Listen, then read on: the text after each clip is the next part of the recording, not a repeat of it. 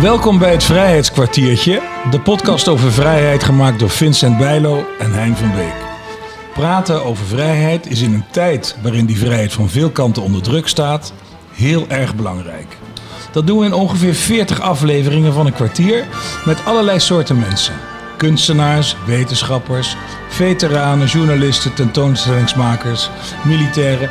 Allemaal vertellen ze verhalen van vrijheid om ze door te geven en het belang ervan onder de aandacht te brengen.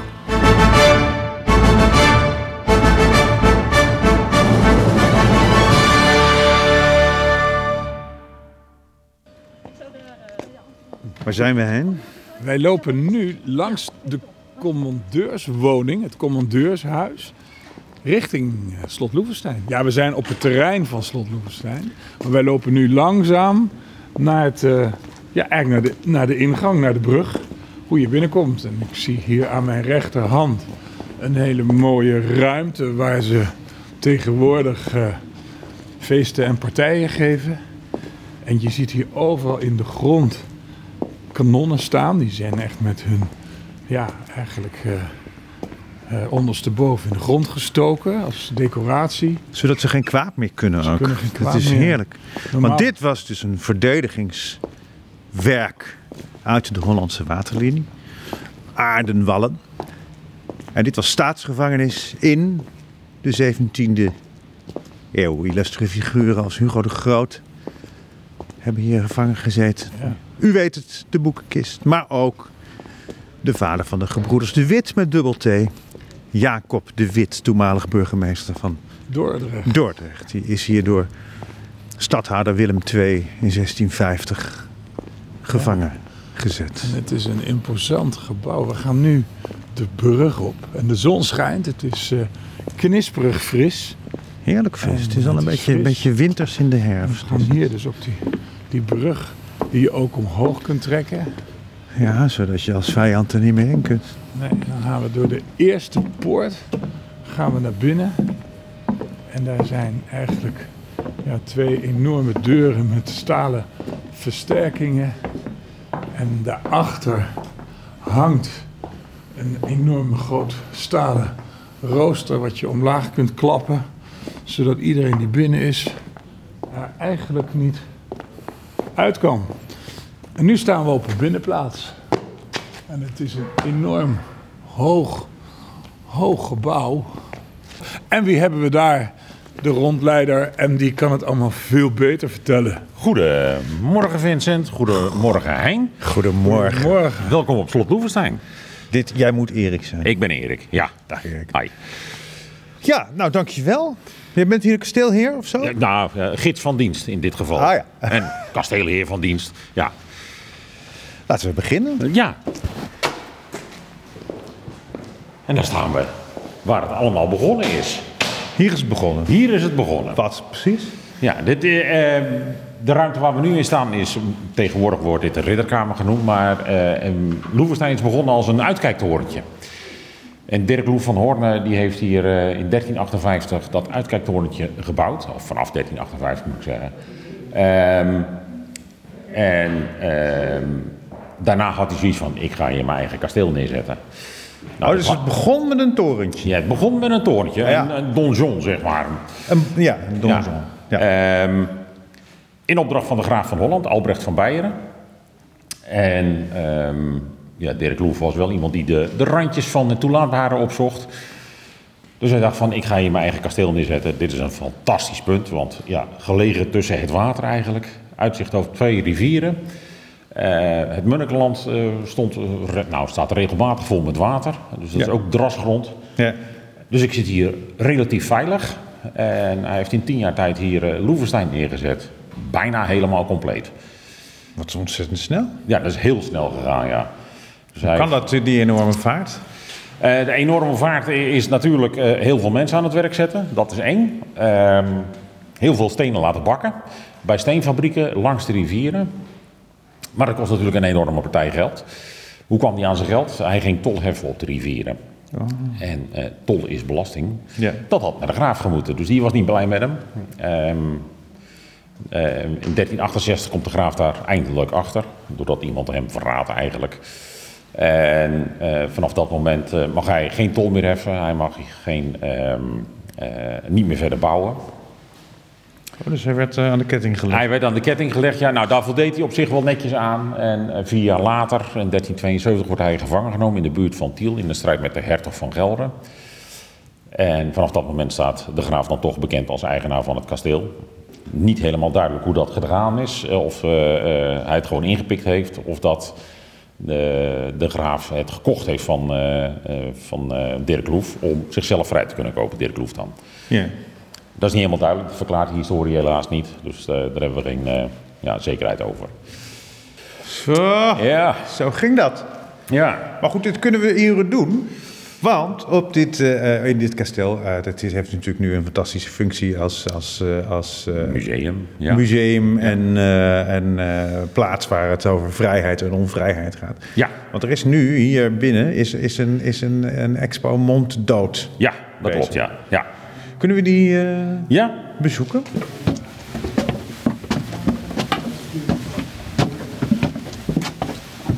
Wat is een leuke trap dit. ja dit is een muurtrapje. Hier begint de expo over monddood. Met een introductiefilmpje over eh, staatsgevangenis eigenlijk door de eeuwen heen. Ja. En dat er nu nog steeds eh, staatsgevangenen zijn eh, in verschillende landen. Opgesloten vanwege hun mening eigenlijk. Ja, ja. Ja. Vaak werden deze gevangenen bestempeld als verraders of onluststokers. Ehm, de volgende ruimte, dan moeten we weer even een, eh, een nou, relatief smal trapje, maar heb je aan de linkerhand heb je wel een leuning zitten. Dan gaan we naar de cel van Hugo de Groot toe. De vloer eh, loopt hier enigszins af. ja. Ook hier wordt een filmpje vertoond overigens over het eh, ja, conflict tussen de remonstranten en de contra-remonstranten in de tijd dat Hugo hier eh, opgesloten werd. En de Dordtse synode. Dit filmpje gaat eigenlijk tot aan het moment dat Hugo de Groot hierheen gebracht wordt. 1619. Ja, juni 1619. Maar is dit ook de kamer waar hij heeft gezeten? Dit is de kamer waar hij heeft gezeten, ja. En dit is een kamer van, ehm, nou moet ik eventjes een schattingje maken van 10 bij, eh, bij 10 ongeveer, 10 bij 8. Dus het is een eh, behoorlijk grote kamer. Best comfortabel. Ja, het is best comfortabel, ja. Maar je moet zich wel voorstellen dat er geen glas in de ramen zat. Ehm, er werden wel doeken en luiken voor gezet. En er zat tralies voor natuurlijk, maar dat houdt er toch niet tegen. Ehm, maar eh, ja, hij heeft een ruime kamer. Hij zat hier ook niet alleen, hij zat hier met zijn gezin. Zijn gezin woonde bij hem in hier. Dus eh, vrouw, vier kinderen en een dienstmeisje, Elsje. Ehm, Hadden ze hier goed te eten en zo? nou, daar zorgde eh, het gezin voor eigenlijk. Die hadden een toelage om eh, inkopen te doen voor het eten. En als je hier inderdaad alleen zou zitten, dan had je een probleem. Want dan moest je het doen met het eten wat je kreeg van de, van de, de bewakers, zeg maar. Van, Ja. ja. Is er veel bekend eigenlijk over, over die twee jaar dat hij hier zat?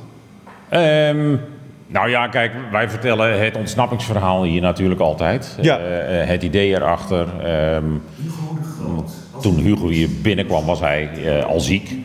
Want ook op het Binnenhof, waar hij in voorarrest heeft gezeten, zat geen glas in de ramen. Dus hij heeft continu op de tocht gezeten. Hij heeft longontsteking ontwikkeld. Wat niet echt goed wilde genezen. En toen hij hierheen gebracht werd, ja, was hij dus al behoorlijk verzwakt eigenlijk. En zijn vrouw Maria, die had wel zoiets van ja, dat gaat niet lang goed zo. Hij moet hier weg. Dus die ging regelmatig naar Den Haag toe om zijn zaak te bepleiten. Maar die kreeg elke keer eh, nee op het orkest. En eh, toen heeft waarschijnlijk een keertje gedacht van nou, zoek het maar uit. Ik ga zelf wel wat verzinnen. En dat is de boekenkist geworden. Ja. Ja. Ehm, en dat is in eh, 22 maart eh, 1621 is hij eh, de boekenkist ingestapt. De boeken eruit gehaald, in zijn bed gelegd. Zijn kleding over de stoel. Hij is in zijn nachtgewaad de kist ingegaan. En eh Elsje en het dienstmeisje is meegelopen terwijl hij weggedragen werd. Om ervoor te zorgen dat hij niet gehoord zou worden in de kist. En die heeft hem begeleid tot aan Daadslaar in eh, Gorkum, waar hij uit de kist is gestapt. En van daaruit is hij Hij is doorgegaan. per boot naar Gorkum gegaan. hij is per boot naar Gorkum gegaan, ja. Per, per veer eigenlijk, hè. Ja. Ja, En daarna heeft hij nog heel lang geleefd. Ja, tot eh, 1645. En hij heeft zijn belangrijkste werk, die Iuri eh, 1625 uitgegeven. Dus na zijn eh, verlossing, zoals hij Ken je uit je hoofd toch, Hein? Ja, ja zeker. Citeer er eens uit. ik heb wel tijdens mijn studie heb ik een vak Hugo de Groot gevolgd. Ah, oké. Het ging meer over recht van de zee. Ja, ja, over En recht op Maarten Ja, en dat ja. soort dingen. Ja. Ja, ja. ja dat Maar hij heeft dat toch echt in Frankrijk geschreven of ben ik dan naar buis? Paas Ja. heeft in Frankrijk Ja. geschreven, ja, Ja. hoofdzakelijk. En waar zat hij dan, weet je dat? Ehm, hij zat vlakbij het Louvre, eh, daar had hij een eh, woning bemachtigd, af toegewezen gekregen door eh, de koning van Frankrijk. Ja. Ja. Die heeft hem op poten geholpen eigenlijk, toen hij daar aankwam. Goed zo. Ja. Toch dat de plaats verdient in de geschiedenis uiteindelijk die hem toekwam. Dus. Ja, zeker. En eh heden ten dagen nog steeds. Hè. Ehm, eh, Verenigde Naties is gevestigd op zijn, eh, zijn gedachtegoed. Ja. Ehm, ja, het oorlogsrecht komt voor een groot deel van zijn hand af. Hij heeft te maken gehad met eh, mensenrechten, eh, eh, natuurrecht, dat soort zaken allemaal. Ja. Dus het is een heel belangrijk man. eigenlijk nog steeds voor de manier waarop wij vandaag de dag kunnen leven. ja. Ja. Zullen we verder? Ja, laten we verder gaan. Nou, ehm, Hier ruikt het naar vers hout. Nou ja, ik weet niet precies wat voor lucht er. Ik denk meer dat, het, dat je de lucht hoort van, eh, ruikt van de, de spijlen van de cellen die we hier gecreëerd hebben. Oh ja, oké. Ehm, dit is een, een spijl van een cel. Dus je kan de cel inlopen. In de cel Ja. draait een filmpje. En dan heb je, ja, ja, nou, je staat nu echt recht voor eh, Jacob de Wit. Jacob de Wit. Jacob de Wit, die heeft hier in 1650, 1650 is die hier gevangen gezet. eh, in opdracht van Willem II. Samen met vijf andere burgemeesters van Holland. Ja. En die staan bekend als de Loevesteinse factie. En die hebben hier eh, hun levenslange gevangenisstraf wel een maand uitgezeten. En toen werden ze weer vrijgelaten, want eh, het volk kwam, begon zich te roeren. Ehm, dus toen werden ze terstond weer vrijgelaten. nou, wat we hier hebben... Zien we hier Jacob de Wit zelf al? Ja, we zien hier een portret van Jacob de Wit, ja. Ah, ja. Met zijn mond afgeplakt.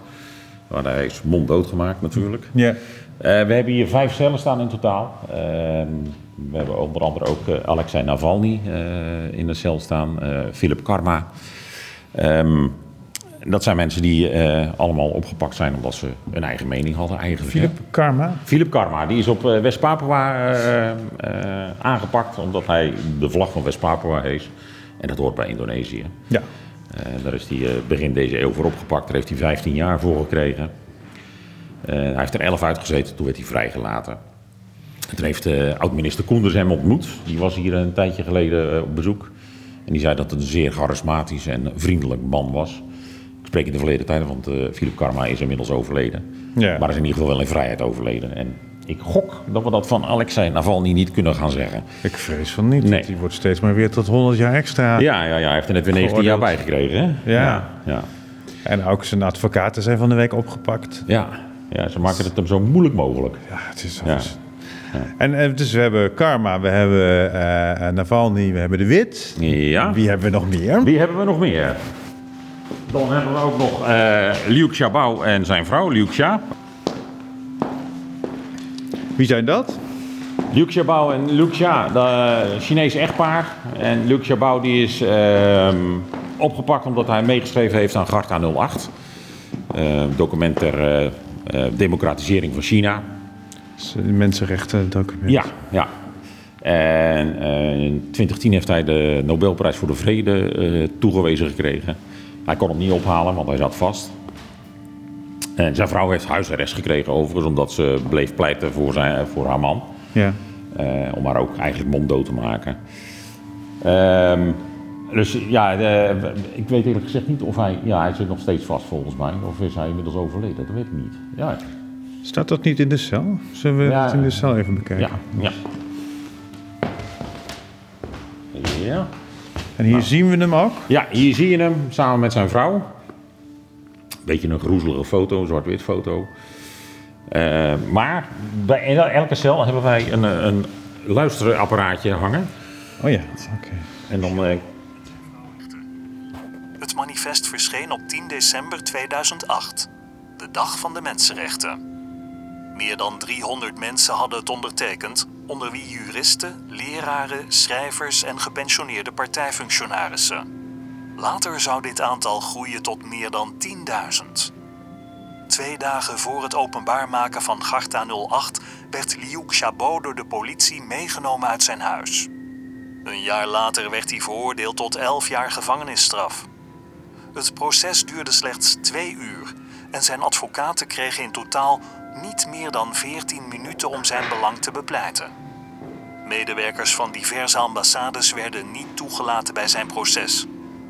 Terwijl hij in gevangenschap zat, kreeg Liu Xiaobo in 2010 de Nobelprijs voor de Vrede. Vanaf dat moment kreeg zijn vrouw Liu Xia huisarrest. Ze mocht geen contact meer hebben met de buitenwereld. Het isolement viel haar zwaar en ze werd depressief. Liu Xiaobo overleed in 2017 en een jaar later werd het huisarrest van Liu Xia opgeheven. Zij leeft nu in ballingschap in Duitsland. Hem. Oh, dat is maar, en er is ook hele enge muziek hier. Ja, ja. Waarom is dat? Een beetje sinister maken, hè?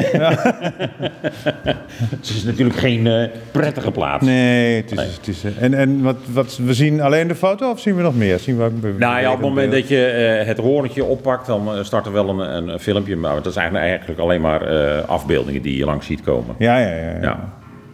Maar het is de bedoeling, wat, wat, wat, hoe is de cel gekleurd?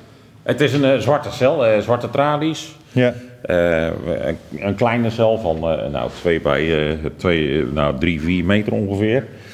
Ehm, een beetje zo groot als de cel waarin Navalny een hele tijd opgesloten heeft gezeten. En daar zit hij nu volgens mij weer in. In zo'n kleine cel. ja, hij zit in een isoleer. ja, ja. Dus het is de bedoeling om het echt een beetje eng en claustrofobisch Ja, te ja, maken. ja. En het is hier ook vrij donker in deze ruimte. Ja. Om het, eh, ja, een beetje het, eh, ja, eh, het gevoel te geven hoe het is om gevangen te zitten. Ja. Ja. Oké, hebben we er nog eentje. En dat is eh uh, Lujan Aladloul. En eh Lujan Aladloul die, eh, is eh, in eh, 2014 opgepakt. Omdat ze auto ging rijden in Saoedi-Arabië. Ehm, en eh, daar heeft ze een gevangenisstraf voor gekregen. En toen kwam eh, de bevolking in opstand. Nou ja, de, de vrouwen in opstand eigenlijk. Die hebben zich eh, massaal laten fotograferen achter het, eh, Ja, stuur. achter het stuur. Ja. eh, met eh, teksten van Free Lujan erop.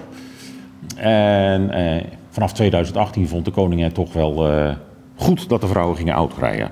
Zij het onder restricties. Ze mogen niet, eh, zo- niet alleen rijden, er moet een man bij zijn. En het aanvragen van eh, een rijexamen schijnt ook nog lastig te zijn. heb ik eh, een paar weken geleden vernomen van een bezoeker die eh, uit die contraille komt. Ja, ja. Dus, het, het mag, maar het wordt nog wel steeds lastig gemaakt. Ja. Maar ja, zij is daar een groot voorstander van geweest en een, een boegbeeld eigenlijk. Ja, Zij is inmiddels ook weer vrij hoor. Sinds 2021 is ze vrijgelaten uiteindelijk. En heeft ze de rijbewijs nu? ja, die had ze al. die zal ze waarschijnlijk in het buitenland gehaald hebben, denk ik. Ja, denk ik ook. Nou, dat zijn de, de vijf personen die hier eh, ehm, eh, uitgebeeld worden. Dan gaan we een trap op naar boven toe. En daar hebben we het actiegebeuren voor Amnesty International. Want deze tentoonstelling is natuurlijk in samenwerking met Amnesty International gemaakt. Alle eh, mensen die hier, eh, behalve Jacob de Wit en Hugo de Groot zelf natuurlijk, zijn allemaal mensen die door Amnesty zijn aangedragen. We gaan de trap weer op. Oh, pas op. Ja. Nou, hier hebben we eh enorme hoeveelheid eh, posters op eh, heel groot formaat hangen. Ehm, eh, iconisch beeld is dat vogelkooitje met een, iemand in zwart-wit erachter die de dagen aftelt eigenlijk op de muur. En, en eh, die heb ik zelf in mijn eh, slaapkamer gehad toen ik nog thuis woonde in de jaren 70. Ja, ja. Dus dat is een hele bekende. hè? Ja. En een ander die ik altijd wel eh, bijzonder grappig gevonden vond, is heb je een eigen mening, mag je in sommige landen meteen op kamers. Ja. Dat vond ik ook wel, in ieder geval voor een opgroeiende puber, vond ik dat wel een, een leuke. Ja. ja. Eh, maar Dus vanuit, jij had toen heel veel eigen meningen waarschijlijk. ik, had, ik had heel veel eigen Ja. meningen, ja, Ja. ja. Ja, Maar gelukkig waren dat over het algemeen ook wel de meningen van mijn ouders. Dus, eh, ik was wel wat extremer dan eh, het gedachtegoed van mijn ouders, maar... Ja. Eh, we kwamen wel eh wat de raakvlakken, zullen we zeggen. Nou, we hebben hier ook nog drie videoschermen. Ehm, En op één scherm wordt een gedicht van eh Liu Xia, de vrouw van Liu Xiaobo, voorgedragen door eh, kunstenaars en artiesten.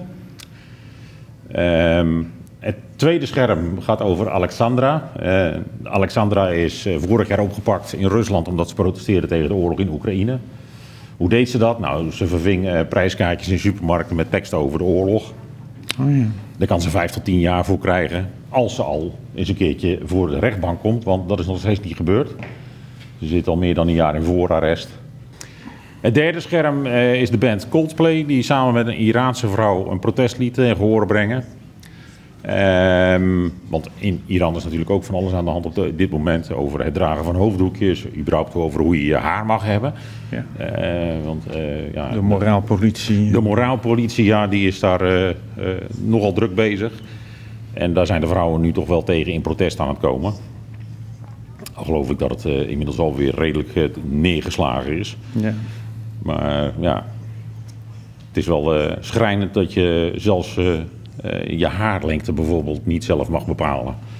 Ja. ja. Ehm, nou, een eindje verderop hebben we een voetbalspel staan. Dat is op zich wel grappig. Het zijn de machthebbers tegen de, eh, de eh, activisten. Ehm, en het verschil daarin is dat eh, het spel eh, behoorlijk gemanipuleerd is. Maar de machthebbers die spelen met 13 poppetjes, de activisten met 8. ja. Ehm, het eh, voetbalspel staat enigszins scheef dat zodra je de bal erin rolt, dat hij eigenlijk al richting doel van de activisten gaat. En je staat met 2-0 achter, want eh, de eerste twee eh, doelpunten die kan je niet terugschuiven op het, het, hele gebeuren. Dus, het is redelijk gemanipuleerd, dit spel. Een balletje bijhalen. Nou, een balletje erin rollen, dat is al vaak een probleem. Het is nu net omgekeerd.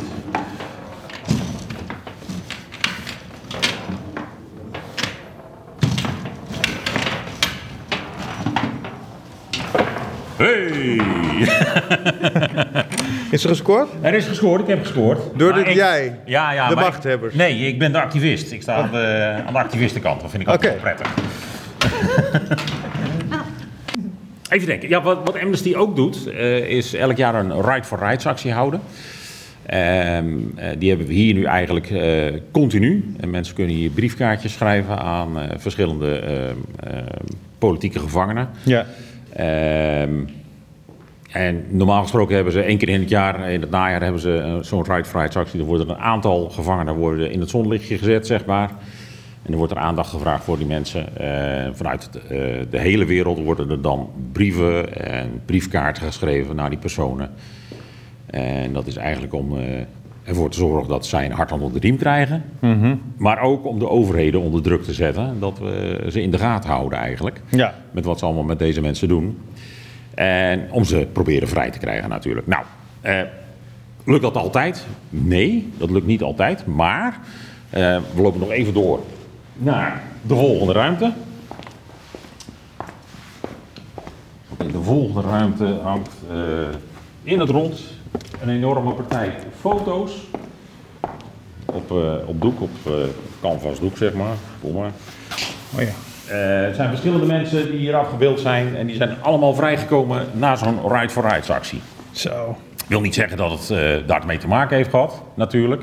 Dat zullen zeker de lokale overheden niet toegeven. Nee, ja, toch. Denk ik dan. Nee. Maar ze zijn in ieder geval wel vrij. En eh, eigenlijk iedereen die geeft wel aan dat ze het eh, zeer op prijs stelden dat ze zoveel post ontvingen. En zo ging dat bijvoorbeeld ook met Hugo de Groot. Want als zijn vrouw weer eens eh, in Den Haag was om zijn zaak te bepleiten, dat deed ze natuurlijk niet in een dag. Dan ging ze voor een week of twee weken naar Den Haag toe om dat voor elkaar te krijgen, om het gesprek met Maurits te krijgen. En dan schreef ze hem ook met grote regelmaat. En de uitspraak van, eh, van Hugo is: eh, Daar er naast God niets is dat mij meer troost als dikwijls brieven van u te ontvangen. En de u is zijn vrouw Maria. Ja. ja. Ja. Hoeveel, hoeveel foto's hangen hier zo'n beetje? Kan je dat schatten? eh, nou, nou, tientallen. ja. Ja. En Ja. uit, uit alle landen, uit alle, Ja, het- noem, eens, noem eens een paar landen. Saoedi-Arabië, eh, Colombia, Oekraïne, Algerije, ja, verzin het maar, Ierland zelfs. Eh, dus ja, aardig wat mensen die hier eh, van over de hele wereld, eh, eh, vanuit China. Ja. Ja. Mooi. ja, Dus dit is monddood. ja, dit is monddood, ja. En? Wat, wat, ehm, ehm, hoe ervaar jij dit, Fantastisch. deze expo? Ja, onverwachts. Je verwacht het hier eigenlijk wel als je doordenkt, maar je verwacht niet dat het zo ook mooi in eigen tijds. Ja. Aan één kant simpel, maar dat is het niet. Het is helemaal doordacht. En, eh, Ja. Nou ja, dit is ook iets wat wij van eh, heel veel bezoekers terugkrijgen als gids. Dat het eh, eh, zeer veel indruk maakt, deze Ja. tentoonstelling. Heel af en toe zit er iemand bij die zegt van... ja, nou, hier kom ik niet voor naar Loevestein. Eh, dat kan. Eh, ja, je kan niet iedereen eh Dan ga je tevreden uh, musket schieten. Ja, precies. Dan ga je musket schieten, ja. Dat wil ik ook maar nog als even je, doen. Kan dat? Ja, dat is op de wallen. eh, dan, eh, dan kan je musket schieten. Dus, eh, ja. nee, maar hoort- dit hoort zeer op de lijst waar eigenlijk elke scholier naartoe moet. Westerbork, Loevestein. Ja. Er zijn er nog een aantal natuurlijk. Ja, ja, ja. Dit moet je zien. Oké, tot besef- wanneer loopt die eigenlijk nog, Erik? Tot eh, eh, begin maart, hè? Ja. Begin maart 2024. ja. Nou, eh, dankjewel. Graag gedaan. Dit was het eh, Vrijheidskwartiertje gemaakt door Hein van Beek en Vincent Bijlo. Muziek Kilian van Rooij. Deze podcast is mede mogelijk gemaakt door een bijdrage van het V-Fonds, Stichting Nationaal Fonds voor Vrede, Vrijheid en Veteranenzorg, de provincie Gelderland, Stichting Vrienden van Boei, Stichting Nationaal Erfgoed Hotel de Wereld en Hotel de Wereld zelf. Mocht je dit een interessante podcast vinden, deel hem vooral, geef reviews en geef sterren. En alle info tref je aan op vrijheidskwartier.nl.